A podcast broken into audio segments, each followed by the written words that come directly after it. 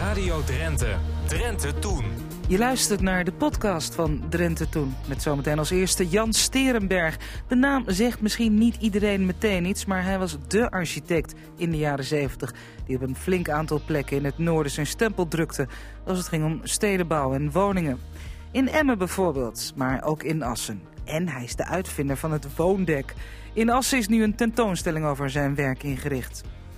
En van de mensen naar de dieren. Onze expert op het terrein van de historie van de Drentse fauna, Henk Lunning, heeft vandaag het wilde zwijn op de korrel. Het dier deed in het verleden wel eens onze provincie aan, werd dan opgejaagd en als het even kon geschoten. En ook na zijn dood gold het als een bezienswaardigheid.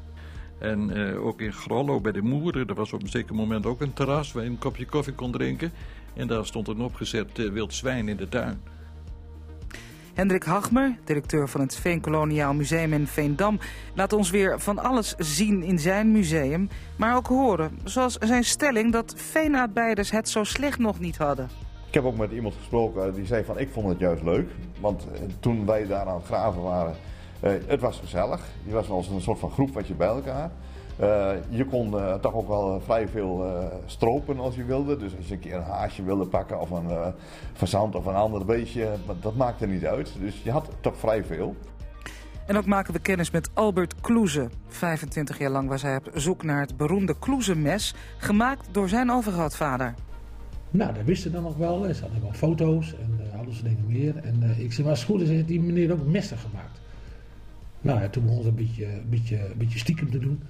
En uh, toen zei die andere vrouw, die kwam later naar me toe. Ja, ze deed een beetje stiekem. Hè? Ja, maar je mag niet zo'n ding hebben. En ze deed heel geheimzinnig over. En, nou, nou ja, dan word je natuurlijk alleen maar getriggerd en uitgenodigd om er verder mee door te gaan. Verder mooie oude Rono Radio Old Nijs met een reisverslag. En natuurlijk een jeugdherinnering van Wiebe Kruijer. Sophie Timmer. Radio. Jan Sterenberg was architect. En zeker niet de eerste de beste. Met zijn bureau, een groot landelijk architecten- en ingenieursbureau... was hij actief in de jaren tussen 1950 en 1980. En misschien zegt de naam je niet meteen wat, of niet meteen iedereen wat... Dat is nu helemaal het lot van veel architecten. Hij heeft een belangrijke stempel gedrukt op de manier waarop we wonen en hoe dat eruit ziet, ook in Drenthe.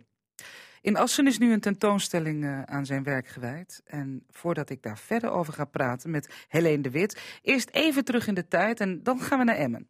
Sinds dit project, nu alweer bijna tien jaar geleden, onder handen werd genomen, bleven de huizenbouwers in Emmen zoeken naar andere, betere wegen om een woonwijk voor mensen te creëren.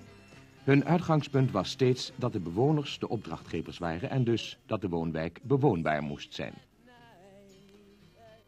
Uit deze geest ontstond in de achterliggende paar jaren een nieuwe woonwijk die de Emmerhout genoemd werd. Bijna alle in deze wijk staande huizen zijn woningwetwoningen. Maar de opzet is, voor Nederlandse begrippen tenminste, volstrekt revolutionair. Wie hier te voet rondgaat ervaart weer iets van dezelfde intimiteit die van de centra van onze oude binnensteden afstraalt. En de woning zelf is zo ingericht, vooral voor gezinnen met kinderen. Nou, vind ik geweldig. Niet alleen de bewoners zijn enthousiast, ook van buiten Emmen komen veel reacties. Regelmatig komen bussen vol bezoekers op excursie naar deze woonwijk, die ook door de deskundigen als iets bijzonders wordt beschouwd. Ja, de wijk Emmerhout in Emmen. Het geluid uh, komt overigens uit een filmpje. Dat hebben we dankzij noordelijke architecten. Uh, Emmen, uh, gebouwd in de tweede helft van de jaren 60 en de eerste helft van de jaren 70 van de vorige eeuw. Deze wijk dan. En onder meer Jan Sterenberg werkte hier aan mee. Maar hij deed veel meer. En dat deed hij niet alleen, want hij had een enorm bureau in die tijd. Aan de telefoon Helene de Wit van de stichting Berlagehuis Uskert. En ik mag Helene zeggen. Hallo Helene, goedenavond. Goedenavond. Ja, hi. Zeg Helene, uh, um, jullie zijn als Berlagehuis ook betrokken bij die tentoonstelling met werk van, uh, of nou ja, met aandacht voor Jan Sterenberg, hè? Ja, sterker nog, ik ben de initiatiefnemer.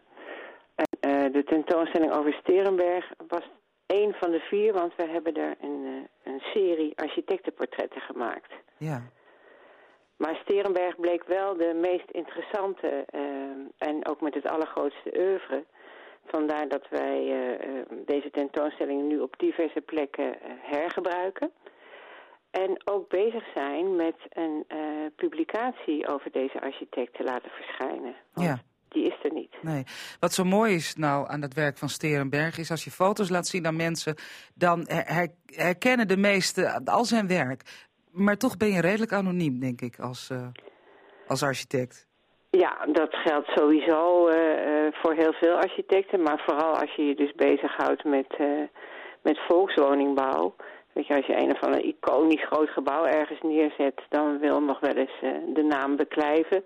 Maar als je dus heel veel woningbouwprojecten over het hele land hebt gedaan, dan heeft geen, geen mens meer een idee wie oorspronkelijk ontworpen heeft. Nee, nee. En het doet geen recht aan het werk van de man, in dit geval Jan Sterenberg. Uh, ja, wie was hij? Um, hij was een, uh, een uitgesproken met, uh, met hele duidelijke ideeën. En die wist hij ook heel goed praktijk te brengen. Hij was een heel groot netwerker. En ik moet ook zeggen, wij hebben diverse uh, oud-medewerkers van hem gesproken... die dus allemaal zeiden van ja, we zagen hem eigenlijk nooit. Want hij was altijd uh, op pad uh, om dus opdrachten binnen te halen... om nou ja, dat hele Mhm. netwerk te onderhouden en iedereen te spreken. Ook heel vaak naar Den Haag voor de politiek, maar ook de lokale politiek. En dat was dus de manier waarop dat bureau toch in vrij Ja. korte tijd zo groot werd. Ja, hij zat in eh, Stadskanaal of ergens in het Groningenland? Nee, hij zat in Ter Apel. Ter Apel, ja. ja, ja. Ja. neem me niet kwalijk. Hij, eh, hij heeft in heel eh, Noord-Nederland ook eh, ja, zijn stempel gedrukt. We hoorden zojuist al een filmpje over eh, Emmen, Emmermeer. En dan denk ik gelijk jaren zeventig, dat moet ook wel een hele eh, spannende tijd geweest zijn... ehm, voor, eh, Zeker. Voor de stedenbouw. Want heel veel ging naar de- tegen de vlakte, om het maar oneerbiedig te zeggen. En daar kwam dan iets moderns voor terug. Eh, ja, heel, veel- heel veel tegen de vlakte eh, denk ik toen nog niet. Want we kwamen natuurlijk net eh, uit, de, uit de wederopbouwperiode. In de oorlog was natuurlijk heel veel tegen de vlakte gegaan. Maar er was sowieso hele grote woningnood. Toen is er in de wederopbouw is er dus in sneltreinvaart ontzettend veel neergezet. Maar daar eh, waren de mensen niet heel erg tevreden mee. Want dat was dus allemaal ehm, heel blokkerig en heel minimaal. En, en juist in de zeventiger jaren kwam er veel meer inspraak en, en lieten de bewoners ook zelf van zich horen. En zeiden dat willen we niet. We willen eh, eh, gezelligere wijken, kleinschaliger. En Ja. Was ook betrokken bij, ik zal maar zeggen, de uitvinding van het woonerf. Wat natuurlijk heel typisch voor die zeventiger jaren was. Ja, en een woonerf, dat is eh, bijvoorbeeld eh, de auto eh, uitbannen. Precies. Ja, en dat was heel erg ten behoeve van kinderen. Dat komt hier ook overal, in, in, ook in veel publicaties van Sterenberg terug. Hij hield ontzettend veel rekening met kinderen. En hij had dus ook de stelling dat als je eh, volkswoningbouw deed... nou dan ging, ging het niet over hele ruime budgetten. Dus je kon geen hele grote eh, huizen maken en ook geen hele mooie. En als dat niet kon, dan moest je er heel goed voor zorgen dat de omgeving aangenaam werd. En de omgeving had natuurlijk alles te maken met, eh, met kinderen. Dus die moest veilig zijn voor kinderen, die moest uitdagend zijn voor kinderen. Er moest allerlei speelgelegenheid zijn voor kinderen. En dan moet je die auto natuurlijk kwijt zien te worden. Ja, buiten de, de wijk dan parkeerplaatsen. Ja, Je, je, je had het net al over, hè, de, de mensen willen zelf ook eh, wat in de melk te brokkelen hebben. Sterenberg die was er ook voorstander van. Hè? Dat die, die, die hielp eh, praatgroepen in het leven en ja, dergelijke. ja, inspraak, bewonersinspraak was hij een voorstander van. Maar het, het is een beetje in tegenspraak met zijn toch wel heel autoritaire karakter. En hij was daar ook wel heel eerlijk in. Hij zei van nou, ik ga er niet naartoe en zeg van vertellen jullie maar wat je willen. Hij gaf ze dus een aantal keuzes. Ja, ja. En dan konden ze dus eh, eh, daaruit kiezen. Maar het was wel het begin daarvan. En ehm, hij ging graag met de mensen in gesprek, maar niet, zo, eh, niet zozeer om van, nou ja, wat willen jullie nu in dit geval Nee. hebben, maar wat zijn in het algemeen wensen, wat willen mensen? Ja. Daar was hij. Eh, Af en toe val je weg, Helene. Ik hoop dat het, dat het niet Oh, tot uh, Dat stormt. is Usker. Oh ja, het is Uskert. Daar hebben ze niet de hele dag eh, kabel. Af en toe. Nee, ik hoop dat het niet al te storend overkomt. Zeg, we moeten even een paar voorbeelden. Ik had het net al over Emmermeer. Maar in Assen heeft Jan Sterenberg ook... eh, eh, is hij verantwoordelijk geweest voor... voor nou ja, hoe heet dat? bij de Molenstraat. Ja, tussen het Plan kanaal. Molenstraat. en Plan dat was dus, kijk, hij, was, hij begon in Emmen, dat noem je dus uitbreidingswijken. Hè. Dan kwam, werden er dus woningbouwwijken toegevoegd aan een bestaande kern. In Assen was het omgekeerd, dat noem je stadsvernieuwing. Daar was dus een, een, een, zeg maar een beetje een verkrotte wijk in de binnenstad, werd inderdaad afgebroken. En daarvoor moest dus woningbouw komen. En dat moest ook volkswoningbouw zijn, want ze wilden dus dat de mensen die daar oorspronkelijk woonden, op de plek terug konden komen. Ja. Wat dus inhield dat het echt niet te duur mocht worden. Nee, maar dan heb je die auto's weer. Die moesten daar ook geparkeerd worden. Precies, en dat is natuurlijk eh, anders dan in zo'n uitbreidingswijk een probleem, want je had geen extra grond. Daar heeft Herenberg een, eh, een leuke oplossing voor bedacht. Die, die heeft hij trouwens niet zelf bedacht, maar afgekeken van Denemarken en Engeland. Zogenaamde woondekken. Dat betekende dat hij de huizen bouwde op een parkeergarage. Ja. En ehm, daar zijn er twee van gekomen in Assen. Eén echt wat dieper liggende, dus een soort, een soort van meer kelderachtig. En één die dus zeg maar half onder de grond lag.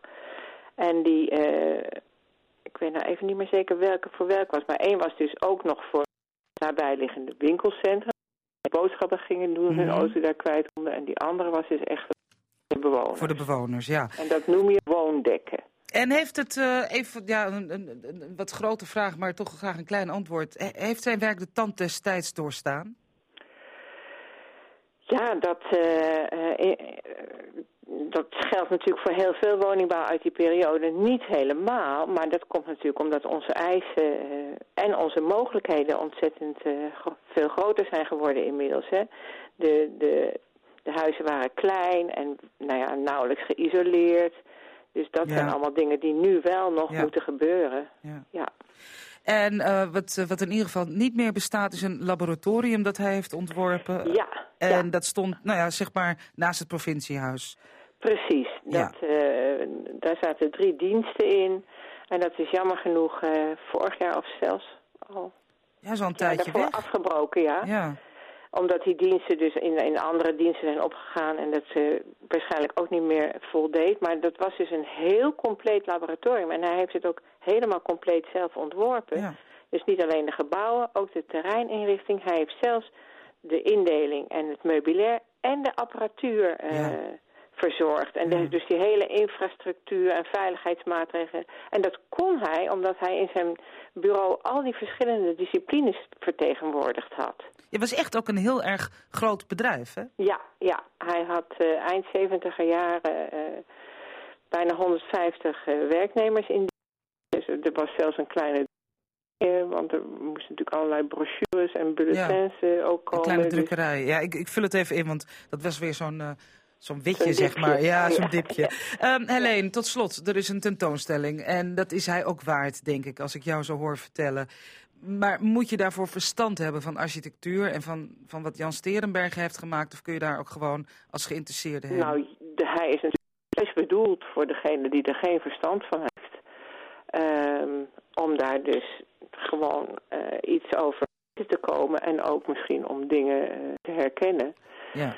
Eh, dus we hebben die, die oorspronkelijke tentoonstelling aangevuld met een, een brochure en een eh, extra paneel specifiek over assen. Dus het is ook voor mensen heel leuk als ze in hun eigen Ja. plaats over hun eigen Ja. Sterenberg-projecten iets te weten kunnen komen. En misschien woon je wel in een Sterenberghuis, wie weet. Ja, Dat is zou nog leuker. Ja. Goed, de, de expositie is te zien tot, eh, tot en met 5 juli in Warenhuis van der Veen op de woonetage. Eh, de stichting Berlaaghuis Uskert is er ook bij betrokken. En ik sprak met jou, Helene de Wit, voor een toelichting op Jan Sterenberg. Dank je wel daarvoor. Graag gedaan. Hij is 25 jaar op zoek geweest naar een zakmes. Maar geen gewoon zakmes, een kloezenmes. Albert Kloeze uit Steenwijk was op zoek naar een zakmes gemaakt door zijn overgrootvader, de smid Jan Kloeze. En wat volgt is een bijzonder verhaal van een vasthoudend man. Vandaag het eerste deel van zijn zoektocht.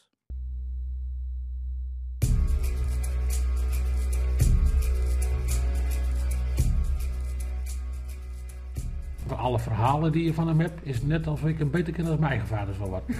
maar je hebt, eh, ja, in zo'n zoektocht daarna kom je, kom je zoveel verhalen tegen van mensen.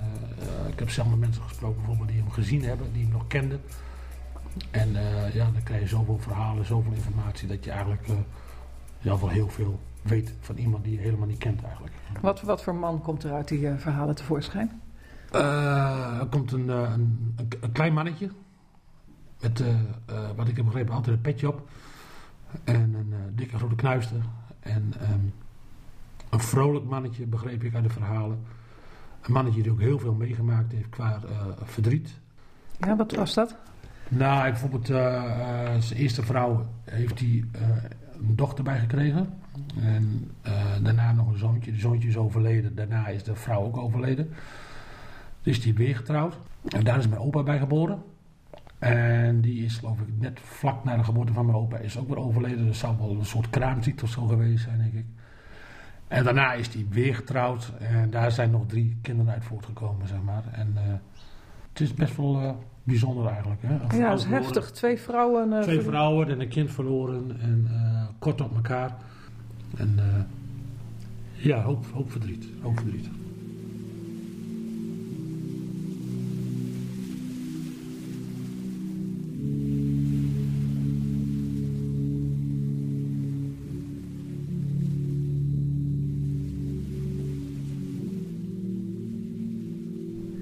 Kwam je er zo bij om op zoek te gaan naar je overgrootvader? Ja, ja.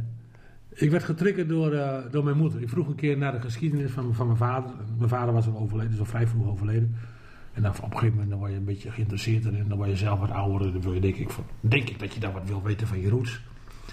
En eh, toen zei mijn moeder van... eh, ja, je oom is er wel mee bezig geweest. Oom Vree eh, is er wel mee bezig geweest. Maar die kwam niet zo ver. Want ja, die liep vast. Want ja, die kon niet goed uitkomen. Er waren overlijden. Getrouwd. Nog een keer weer getrouwd. Dus op een gegeven moment snapte ze het niet meer. Ik dacht van oké, nou, dat is net wat voor mij. Daar moet ik even in bijten. Maar dan blijft het een poosje liggen. En op een gegeven moment waren wij eh, in Hardenberg op vakantie. En toen zei ik op een gegeven moment, op een dag van, weet je wat, ik ga eens naar de, de wijk. Gemeente De Wijk, eens kijken of daar komen ze vandaan, de wijk uit Drenthe. Tenminste, ik wist dat hij daar gewoond had, in Koekangen. Nou, Koekangen is gemeente De Wijk toen de tijd. En eh, ik dacht, ik rijd er eens heen. was vlakbij, Hardenberg, De Wijk. Dus erheen. En een gesprek gevoerd op gemeentehuis. En toen kwam ik met de, de eh, in gesprek. Toen lagen de archieven allemaal nog in de gemeentehuizen in die tijd. En die heeft me op weg geholpen. En eigenlijk was ik in één middag. Mijn hele geschiedenis van mijn overgrootvader kwam daarboven zetten. Hè? Het overlijden en de geboortes en het hertrouwen en al dat soort dingen meer. Dacht van, nou, zo moeilijk is dit niet. Dat dat, eh, dus dat viel nog wel mee eigenlijk. Dus het, het verhaal kwam, kwam er vrij snel naar boven. Maar toen kwam ook op een gegeven moment, ook in diezelfde tijd ongeveer, had die man het over. Ja, maar dat is ook een conclusie die messen maakte, zei hij. Ik zei, oké, maar dat zal. Ik kom er vanzelf een keer achter. En eh, toen nog een keer gesprek gehad met mijn oom. En die vertelde, ja, dat klopt, zegt hij. Dat, dat deed je opa, deed dat. Opa die maakte messen.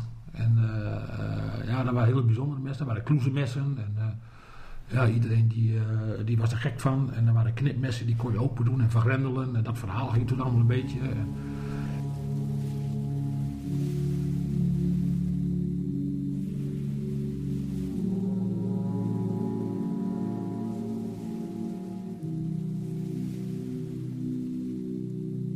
Dus op een gegeven moment ga je verder met je onderzoek. En nou weet je wat, ik ga eens een keer naar Ruinen toe. Kijken of ze daar wat weten over, over de Ruinen wapen en wat er nou was. Dus toen kwam ik in, eh, in, in het eh, historisch museum, boerderijmuseum, eh, de Pasmanshuis, kwam ik terecht. Ik dacht van, nou, daar weten ze vast wel wat. En in die tijd was er net een fototentoonstelling van Oud Ruinen. En er was ook een vrouwtje. Er waren twee oude vrouwtjes die waren daar een beetje. En een was een knippertjes aan het bakken. En, en oh, leuk, rook lekker. En toen had ik er dus over. Ik nou, dit, ik ben die en die. En eh, eh, ik ben eigenlijk op zoek naar, naar iets meer over Smit Kloeze die hier in Ruinen gewoond heeft. Nou, dat wisten dan nog wel. Ze hadden wel foto's en uh, alles dingen meer. En ik zei, maar goed is, heeft die meneer ook messen gemaakt. Nou toen begon ze een beetje, beetje, beetje stiekem te doen. En toen zei die andere vrouw, die kwam later naar me toe. Ja, ze, deed een beetje stiekem. Hè? Ja, maar je mag niet zo'n ding hebben. En ze deed heel geheimzinnig over. En Nou, nou ja, dan word je natuurlijk alleen maar getriggerd en uitgenodigd om er verder mee door te gaan. Dus ik ben er een paar weken later nog een keer weer heen geweest, weer hetzelfde gesprek gevoerd met die vrouw. Ik zei, nou, ik zeg, mag ik die mes dan eens een keer zien? Uh, want ik heb begrepen dat u zo'n mes hebt. Nou, en dat mocht niet. En als je dat ziet, en het is een steekwapen, en het is allemaal illegaal, en dit en dat. Nou, dus een beetje op erin gepraat. En nou, twee weken later mocht ik dan terugkomen en dan zou ze de mes meenemen.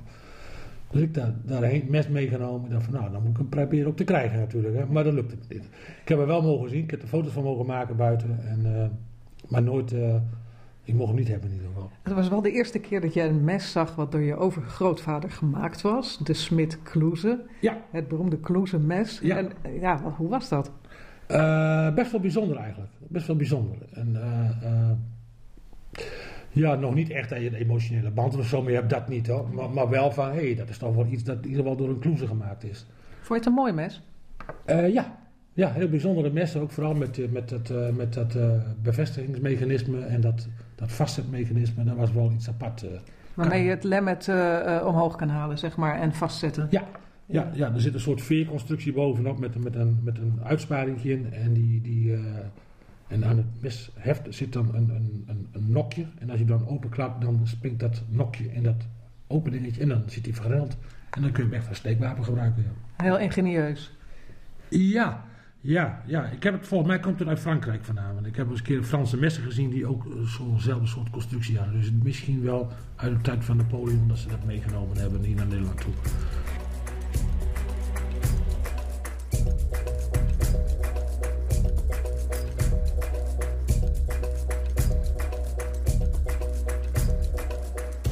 Zoektocht ging verder. Toen begon het eigenlijk uh, uh, al een heel lange zoektocht van 25 jaar. Eerst in, uh, in Ruin in de omgeving nog lopen zoeken. En daar kwam ik nog een meneer tegen, die had ook zo'n mes. En ook die mocht ik zien, maar ook niet weg willen geven, want er zat te veel emotionele waarde voor hem aan. Want zijn opa had zijn leven eraan te danken gehad, zei hij, door iets door te snijden of zo. En anders was hij gestikt, weet ik veel wat. Soms wel verhaal kwam eruit. Maar ja, wat, wat ik ook tegenkwam, ik heb geloof een stuk of vier, vijf mensen gezien die zo'n mes hadden. Maar niemand wilde er afstand van doen. En in al te veel nog een keer weer gekeken. En op een gegeven moment toen hoorde ik een verhaal van um, uh, een zekere mevrouw Meppelink in Hogeveen. Dat mijn opa daar in de oorlogstijd in de kost heeft gezeten. En dat hij daar messen heeft gemaakt. Dus ik naartoe, die mevrouw leefde nog. En uh, ik wilde wat vragen daar zo. En um, ze was een beetje, een beetje stilletjes. En uh, ik, wist, ik begreep dat er uh, heel veel gebeurd was. Waarom ook daar ook in de kost zat. En toen wees ze me op een bordje, die boven haar bed. Van, uh, hier zet een wacht voor mijn lippen. Dus het kwam er eigenlijk een beetje op neer dat ze niet wou praten over degene wat er allemaal gebeurd was. Dus, en dat was ook een van de dingen wat ik in het begin zei. Van, er is best wel wat gebeurd, emotioneel ook, bij hem in de familie. En ik denk dat dat ook daar een beetje mee te maken had. En dat hij ook uh, het huis uitgezet was, leek het wel op dat hij bij haar in de kost had gewoond. In de, in de oorlogstijd was hij nog dik in de 80 jaar. Dus uh, dat was niet, uh, was niet leuk voor hem, denk ik.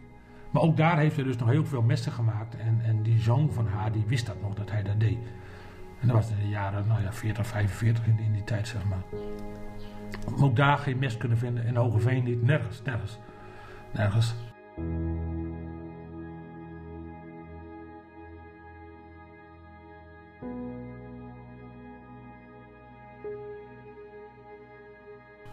Toen op een gegeven moment zei iemand tegen mij: Ja, je moet eens een keer uh, een stukje in de krant zetten. Uh, nou, oké, okay. dus ik heb een verhaaltje gemaakt. En, uh, en dat heb ik hier dan liggen, dat stukje. Oh, even kijken hoor. Ah ja, de heer Kloeze. Op zoek naar een Kloezemes. dus heb ik een verhaaltje van gemaakt. En um, nou, hè, waar mijn, mijn overgrootvader dus in, uit Ruinen, Dwingelo, Koekaan kwam. Dat hij daar mes had gemaakt. En, dat er bij ons in de familie eentje geweest is. Maar dat hij gestolen is uh, uh, tijdens een inbraak. Hebben ze alles meegenomen en ook zijn ploezenbest meegenomen. Dus eigenlijk was er in de familie helemaal niks meer. En, en ja, je wil toch wel graag zo'n mes hebben. Een beetje zo'n verhaal achterin gezet. En een foto erbij van de kloezenmes die in het Drents Museum ligt. Oh, hij ligt ook in het museum. Daar is hij ook uh, bekend. Ja, ja, er ligt er eentje in het Drents Museum. Die is dan gemaakt door, door mijn naamgenoot, door Albert Kloeze uit, uit Ruinen. Die was in Ruinen. En er staat ook AK-stempeltje staat erin. En, uh, dus ik had die foto erbij gedaan, zodat de mensen een beetje weten waar het om ging. Nou, daar kreeg ik Twee dagen later kreeg ik daar een reactie op van iemand uit uh, Berghuizen. En die zei, ik heb zo'n mes. Ik zei, oké, nou, mag ik hem maar zien? En dan verhaal eromheen. Oké, ik ik naartoe. Maar dat bleek dus geen Kloesemest te wezen, maar dat bleek een Dolsma-mes te wezen. En er was ook Smit in Koekangen. En die maakte ook messen, maar dat was ja, nou, de, de imitatie van, van Kloesemes, zeg maar. En er stond er ook in, stond Dolsma stond erin. Dat was een zwak afgietsel van wat jouw uh, overgrootvader kon. Weet je wel. nee, ja, van. Nee, nee, nee, Het was een ander type mes. En, uh, en, en uh, die had ook, nou, de volksmond noemen ze dat roodkoper. Beslag. En de Kloesemes had een messingbeslag. Geelkoper. En we hadden op een gegeven moment een beetje praatje met die man. En, en op een gegeven moment, ik heb die mes daar wel meegekregen. Ik, ik zou hem wel graag willen hebben, was het alleen al op het mechanisme die erin staat. Het mechanisme was hetzelfde. Volgende week hoort u hoe het verder ging met de zoektocht van Albert Kloeze. In weer een bijdrage over dat beroemde Kloeze-mes. En dit was een bijdrage van collega Lydia Tuinman. Radio Drenthe presenteert opnamen uit het archief. Ja, wij volgen al een tijdje Geesje Been en Hitjo D. Schut, Rono Radio Corriveeën... op een, uh, een tocht door Drenthe als toerist in eigen land. Dat deden ze in 1975 en vandaag doen ze Orvelt aan. Is de Drentse Kamer het domein van Gerda Klomp... Op de deel, waar het antiek afkomstig uit het hele land is uitgestald, vertelt haar man Bert de bezoekers wat er zoal te zien en te koop is. Nou, hier op de, op de deel kunt u dan, uh, dat is dan het grootste gedeelte, dat is ook museum, dat is 70%, waaronder 30% uh, verkoopruimte. Uh, we hebben hier een complete Zuid-Hollandse kaasmakerij. er staat de naamdrager, een Arreslee uit 1720 van het Amsterdamse type. Daarbij nog een koets uit 1850, een Friese barouchet, de koets zonder deuren, waar je met z'n allen voorin moet stappen. En waar daar nog maar drie van in het land zijn. Dan loop ik met de mensen de Zuid-Hollandse kaasmakerij door en dan gaan we naar die galerij in. Daar zijn kijkkasten. Daar zit bijvoorbeeld de eerste schaats van de mens, ongeveer 2000 jaar oud. Een geoorde bronzen kokerbijl, uh, oud aardewerk uit de 18e eeuw. En nog verder boerengebruiksvoorwerpen. U kunt daar bewonderen een varkenskrabber uh, die helemaal met de hand geslagen is. Wat een bijzonder mooi model is en heel moeilijk om te maken. En dan zien we daar nog uh, in die kasten Drentse gebruiksvoorwerpen waar de beschrijvingen bij liggen en dergelijke. U hebt al even gezegd, Zuid-Hollandse kaasmakerij, het zijn niet alleen voorwerpen uit Drenthe. Nee, uh, de plannen zijn om de deel zo in te richten dat we alle provincies beknopt op de deel opstellen. Dus, en naast elkaar, dus provinciegewijs uh, interieurtjes op, opbouwen en dan de antiekverkoop, als er een zolder op ligt, om dan de antiekverkoop vanaf de zolder te doen. Dat zijn onze plannen.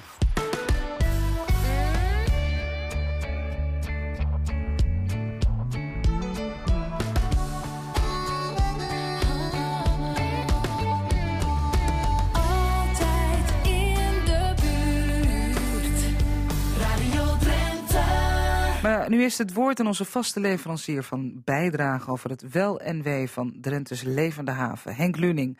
Hij onderzocht ditmaal in de archieven het lot van het zwijn in Drenthe. Het zwijn hoort oorspronkelijk dus gewoon in het Nederlandse landschap thuis.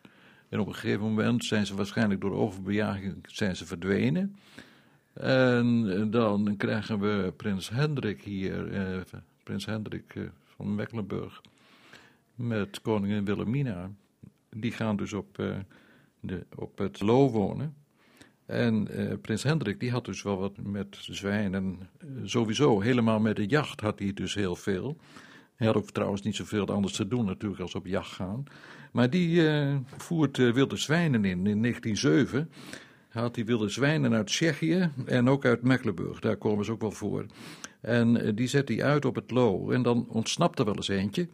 En dan blijkt toch uh, weer uh, dat er ook her en der dus een wild zwijn tevoorschijn komt. En uh, vooral de gemeenteraad Epe, die komt er tegen in het geweer in 1923. Dan hebben ze dus daar last van. En dan wordt er gezegd, dat, althans dat staat dan in de krant, dat de prins die zou uit een land komen waar het zwijn hoger stond aangeschreven dan een boer. En men moppert dus. Prins Hendrik die was bezeten van de jacht, maar toen Wilhelmina in verwachting was van Juliana ontstond er zelfs een gedichtje waarin werd gezegd: Wanneer er een prinsje wordt gebracht, hoop ik niet in de krant te lezen dat de prins is op de jacht. Dat zong men toen. Ja, de boeren hadden er een hekel aan, want die zwijnen die woelden alle grond om. Eh, ze waren gek op aardappels bijvoorbeeld, dus. Uh, er kwam gewoon veel schade van. Ja, dan kom je s ochtends bij je akker en dan uh, staat de hele boel uh, ondersteboven. Ja. Um, maar, maar eigenlijk zijn ze dus een poos uitgestorven en dan langzamerhand komen ze weer tevoorschijn. En dan denkt men over het algemeen dat ze dus uit Duitsland komen. En dat is ook wel zo, meestal uit het Bentheimse. Maar in elk geval, ze komen in, bij Emlichheim komen ze de grens over. En dan komen ze dus nou en dan ook in Drenthe voor. Ja, je hebt uh, archieven er wat op nageslagen. Uh, wat voor meldingen kom je dan allemaal tegen over dat uh, zwijn? Nou, dat zijn heel incidentele gevallen. Uh, meestal begint het, begint het ermee dat men heeft een wild zwijn gezien. En dan komen de jagers in actie, maar dan is dat te laat, want dan is het zwijn weer verdwenen. Dan zijn ze weer weg. Dus meestal uh, worden ze niet gevangen of geschoten.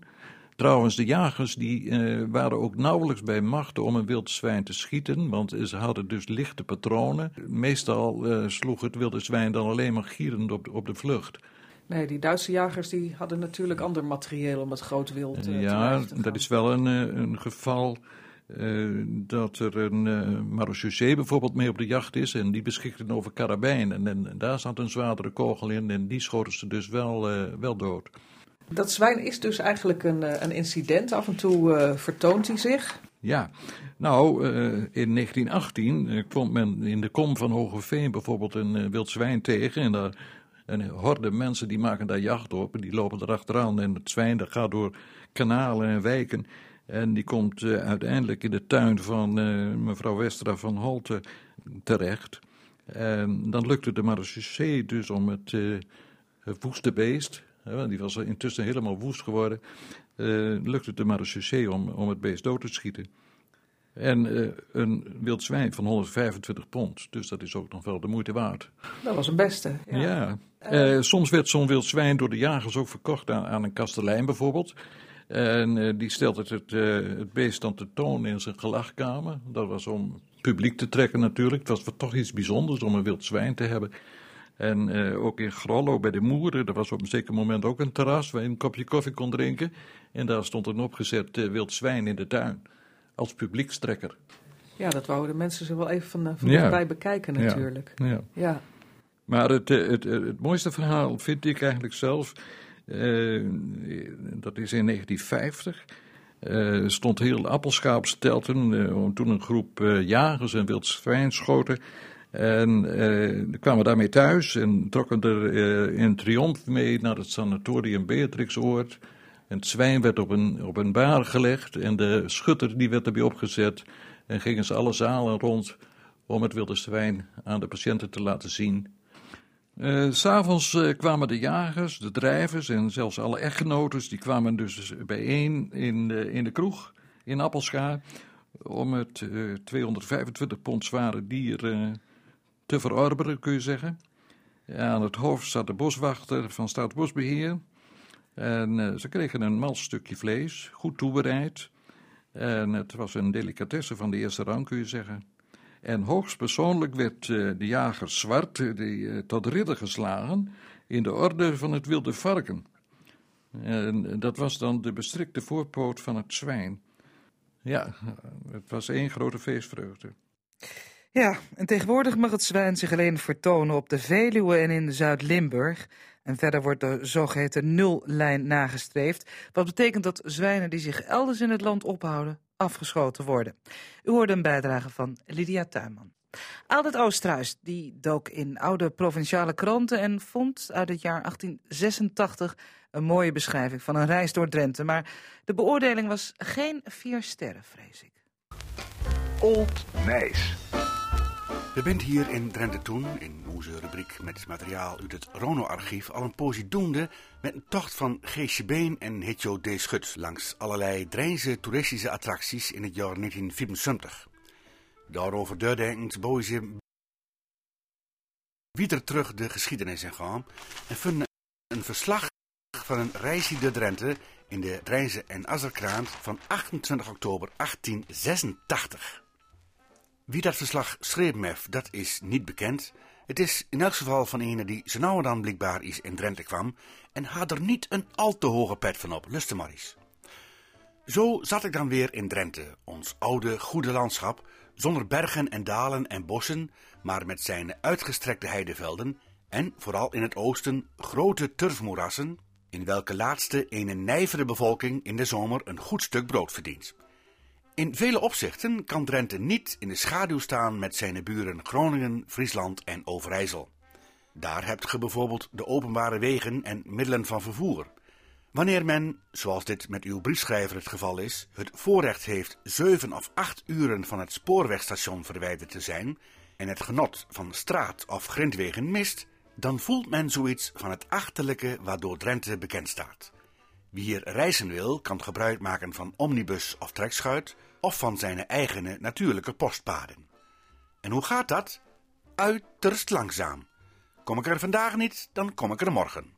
De trekschuit of snik moet overal aanleggen om goederen te lossen en de omnibus houdt hier en daar zijn pleisterplaats, opdat de paarden gevoederd worden en zich te goed kunnen doen aan een emmer pompwater, terwijl de conducteur van zijn oude bekenden onthaald wordt op een borrel, welke in den regel met graagte verorberd wordt.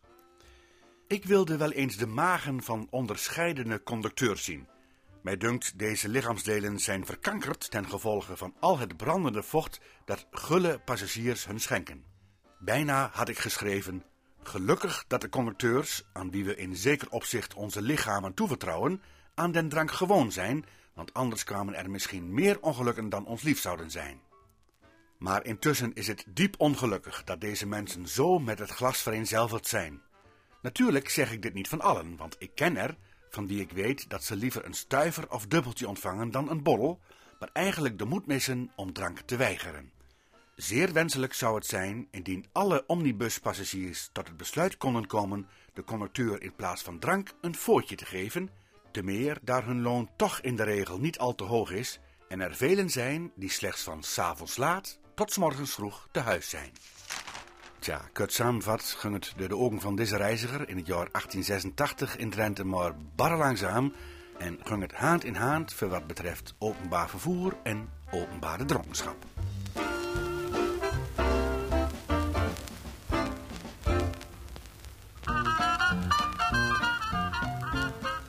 Radio Drenthe presenteert opnamen uit het archief.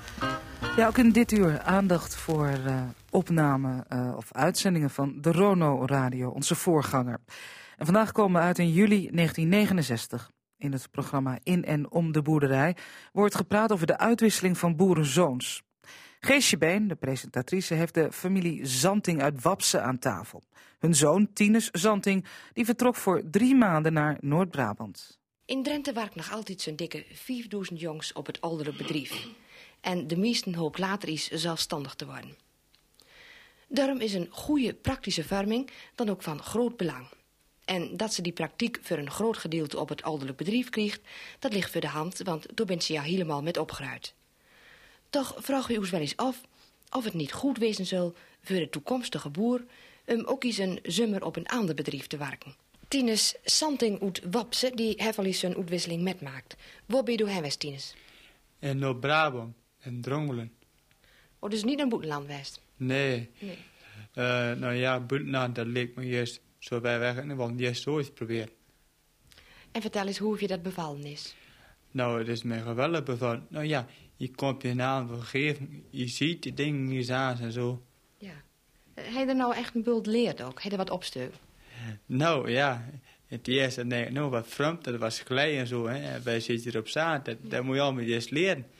Maar ja, dan, dan thuis komt en dan denk ik daar is weer aan. En dan zei ja, ik heb toch wel op een stuk. Je bent meer, uh, ja, meer zelfstandig geworden, zo. Je kunt de dingen beter uh, bekijken en zo. Hoe lang ben je de Westines? Nou, drie maanden. Het was de bedoeling eerst van een half jaar. Maar toen werd die man ziek. En nou ja, dan moest ik twaalf allemaal in land doen. Nou ja, dat ging niet meer het laatste. Ja. Wij hoort dat je zoon het er best is bevallen. Maar dan gebeurt het nogal vaak dat ouders en uh, vaders ook zeggen van... Uh, ja, ik heb eigenlijk niks met die uh, Nijmoedse fratsen op. hoe zou je door ding over Sanding? Nou, ik moet eerlijk zeggen, eerst zag ik een boomzuchting op. Ja. Een jongen van een ander bedrijf hier in te halen. Maar ja, je moet wat doen in de goede gang van zaken. En dat- die jongen, die, ons eigen jongen, wil heel graag. En denkt, nou, dat we proberen het. Het, het moet gebeuren. Ja. ja, je eigen jongen is door eerst heen geweest. En toen kreeg je die vreemde hier op de boerderij. Nou, vreemde, ik neem het noem maar zo even. Hè. Maar ehm, kun je er wel met werken hier? Ik kon er prima mee werken. En die jongen die was heel gewillig. En die wil heel best werken. En die paste zich geweldig aan hierop staan. Want die was op kleine wenden. Dan kon ik alles vullen met een grote. Ja, maar dan moest hiermee met de handen werken natuurlijk. moest hier meer met de handen werken. En dat heb ik de gevonden van hier in de bieten. Want op de kleine hoorde geen onkruid in de bieten. Maar hier hoorde veel onkruid in de bieten. Ja. En de werkers met de lange haken ben we hier in Drenthe niet gewoon. Dan was het meer op knieën gebeuren. Ja. En dat was voor hem een heel opgave. Die ging dus ook met een heleboel ervaring weer naar Brabant. Ja. Die heeft geweldig geleerd dat hij nog handen nog werken moet. Want hij zat dorp meer op het trekker. Maar die heeft hier de handen nog goed leren werken. En vrouw Zanding, je hebt er dan ook het een en ander mee te doen, hè? Als er zo'n vreemde op de boerderij komt. Hoe vond je dat nou, ten, ten eerste dat je zoon naar een ander bedrijf giet om door eens wat op te steken? Nou, ik heb hem zelfs aangeraden. Ik vind, het, eh, ik vind het fijn voor hem, ook al omdat de andere jongens, de jongens en de meisjes, allemaal eruit bent. En dat hij allemaal eh, leert en zo. En dat zo'n jongen die eh, boer zal worden, die blijft alleen nog maar op boerenbedrijf. Dus dat vind ik het geweldig best voor dat hij eens op een ander bedrijf kijkt. Ja, en toen kreeg je zelf een jongen in huis. En dat brengt natuurlijk voor moeder de vrouw ook de nodige zorg met, hè? Ja, natuurlijk, maar nou, daar zag ik niet zoveel ting op, hè.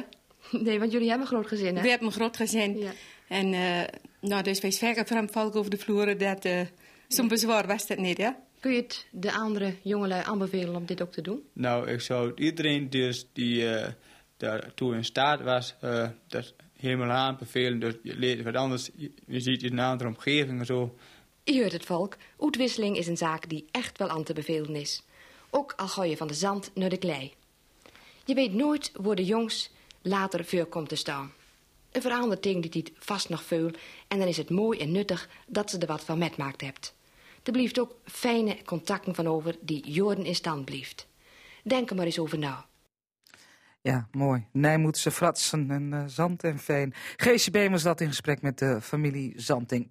Met directeur Hendrik Hagmer gaan wij deze weken steeds een stukje slenteren door het Veenkoloniaal Museum in Veendam. En al lopende komen we op allerlei boeiende onderwerpen. Zoals de armoe in de Drentse en Groningse veenkoloniën. Een vertekend beeld houden veel mensen erop na, vindt Hendrik Hagmer.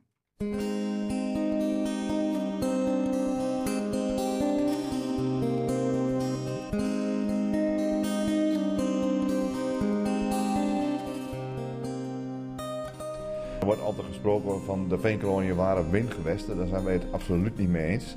Eh, dat heeft ermee te maken van, wordt te- tegenwoordig heel populistisch wordt dat geroepen. Veengebieden, windgewesten. Maar we kunnen hier gewoon aantonen in de veenkolonie van 1599 tot aan eh, 1800, dan is hier de turf bijna weg. Zijn het toch vooral de kleine luiden geweest, noem ik het maar, die uit het eh, buitenland kwamen, uit eh, Duitsland kwamen, eenvoudig als veenarbeider begonnen. En kans zagen om, om binnen een paar jaar eh, zich op te werken tot een kleine boer. En dan toch ook vaak weer eh, in de zeevaart terechtkwamen. En dan twee generaties, drie generaties later, dan zijn ze gewoon welvarend. Dus dat hele windgewestverhaal, van dat zou je moeten zeggen van oké, er is een staat der Nederlanden en die heeft alle turf afgegraven en daar was er helemaal niks verdiend. Dat klopt dus niet. Het zijn eh, kleine eh, compagnies geweest hier. Eh, daar zaten onder weer kleine veenbaasjes en kleine veenboertjes. En dat werkte heel anders dan een windgewest. Een windgewest is er een grote staatsoperatie en gaat, al dat geld gaat weg. Maar ja, ik weet, het wordt tegenwoordig heel populair en populistisch wordt het allemaal geroepen. Hmm. Om eigen standpunten bij te zetten. En ik vind het gewoon wel jammer, want het is toch een beetje een stuk verdraaien van de geschiedenis. Ja, je doet die mensen ook eh, eh, onrecht. Want het waren natuurlijk heel initiatiefrijke ondernemers die eh, hierheen trokken naar zo'n gebied. Dat klopt. En ik heb zelf ook met verschillende mensen gesproken die dus ook in het veen gewerkt hebben. En we moeten ook heel goed begrijpen dat het veenwerk was ook seizoenswerk. Dus je begon in april, mei en daarna ging je naar de boer toe. Misschien wel in Friesland of in Noord-Holland, werkte je daar weer. Op het moment dat de aardappelzetmeelindustrie en de strook beton opkomt, dan was er in de herfst was er ook weer werk. Dus het is niet zo dat je je hele leven lang veenarbeider was.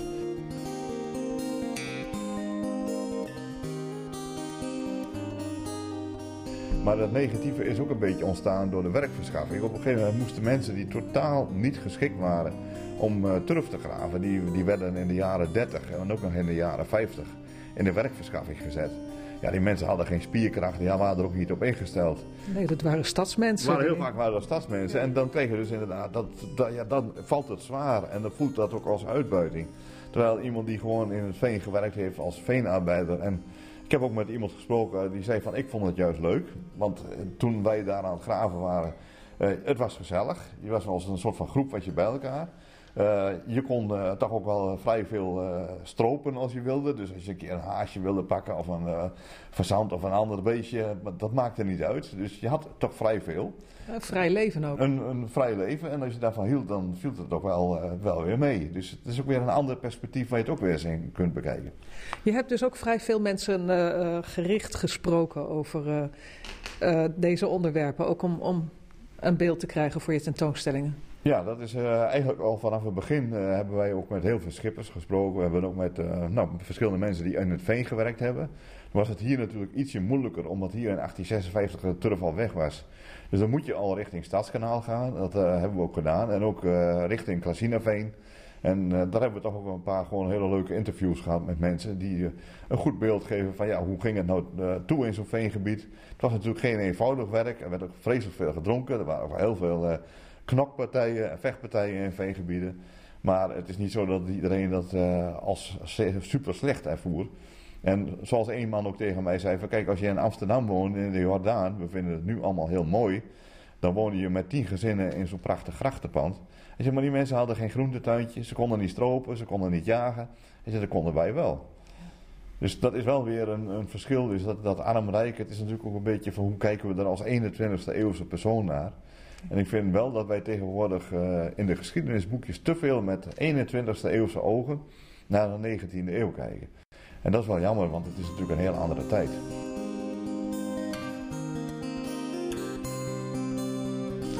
En die um, gesprekken die jullie ooit dan gehad hebben hè, met, uh, met deze mensen, de, de ervaringsdeskundigen, zeg maar.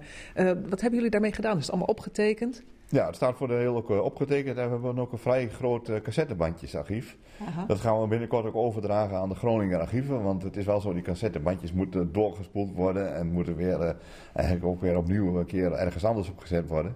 Ja. En uh, het is wel belangrijk dat het bewaard blijft. Ja, dat is kostbaar, want dat is eenmalig natuurlijk. Hè? Die, die, mensen die je toen gesproken hebt, die zijn al weg. Ja, en zo zijn ook beroepen bij, die bestaan helemaal niet meer. Ja, turfgraven in principe ook niet. Er wordt natuurlijk wat voor de show wel eens gedaan. Maar we ook uh, scheepsjagers erbij zitten. Ja, dat uh, kom je nu niet meer tegen. Dat beroep bestaat niet eens meer. Nee. Dus je hebt ook echt schippers en, en beroepsjagers, scheepsjagers. Scheepsjagers, ja. De mensen die dus met hun paard het schip dus trokken. Ja, klopt. Mooie verhalen. Ja, dat is uh, heel interessant.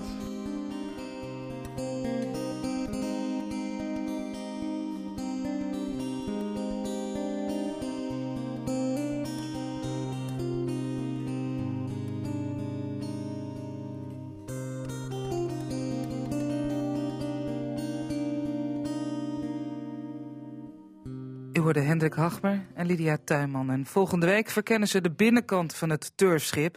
En daarmee ook een beetje het dagelijks leven van de turfschipper en zijn familie.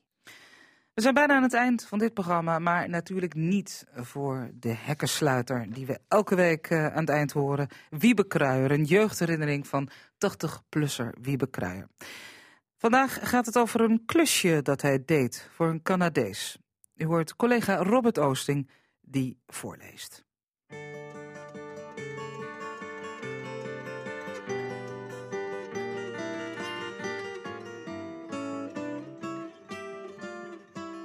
Het was een of andere feestdag en het was druk bij de twee provinciën. Met een paar jongens uit de buurt was ik daar ook heen getrokken. Een Canadese militair klampte ons aan en vroeg of wij tegen beloning zijn vrachtauto wilden wassen. Wat die beloning precies zou zijn, kwam niet goed uit de verf, maar we besloten om de klus aan te nemen. Hij bracht de materialen en we gingen aan de slag. Om het kwartier kwam de opdrachtgever even langs om ons aanwijzingen te geven. Het kwam er steeds op neer dat we het beter moesten doen. De klus was aanmerkelijk moeilijker dan wij aanvankelijk hadden gedacht.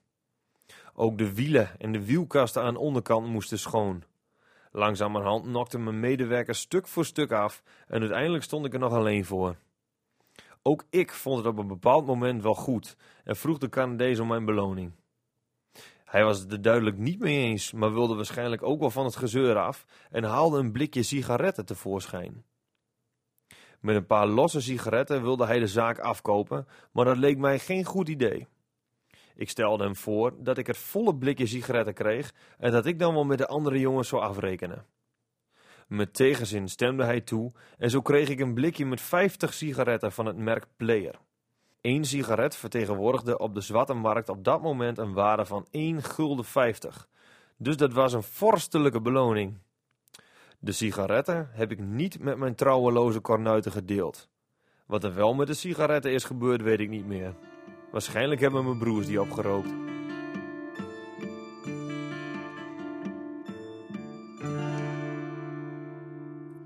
En tot zover Wiebe Kruijer. Tot zover ook bijna dit programma Drenthe Toen. Volgende week dan zijn we er weer. Dan gewoon weer op onze vertrouwde tijd van 2 tot 4. Dan aandacht voor de Noorderbegraafplaats. De oudste algemene begraafplaats in Assen. Binnenkort een open dag.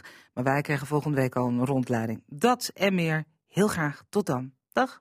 Je luisterde naar de podcast van Drenthe Toen. Luister ook eens naar onze andere podcasts van Radio Westerbork, bijvoorbeeld Cassata, de Sportcast of Binnen de Muren. En als je tijd hebt, laat dan een beoordeling achter. Vinden we leuk.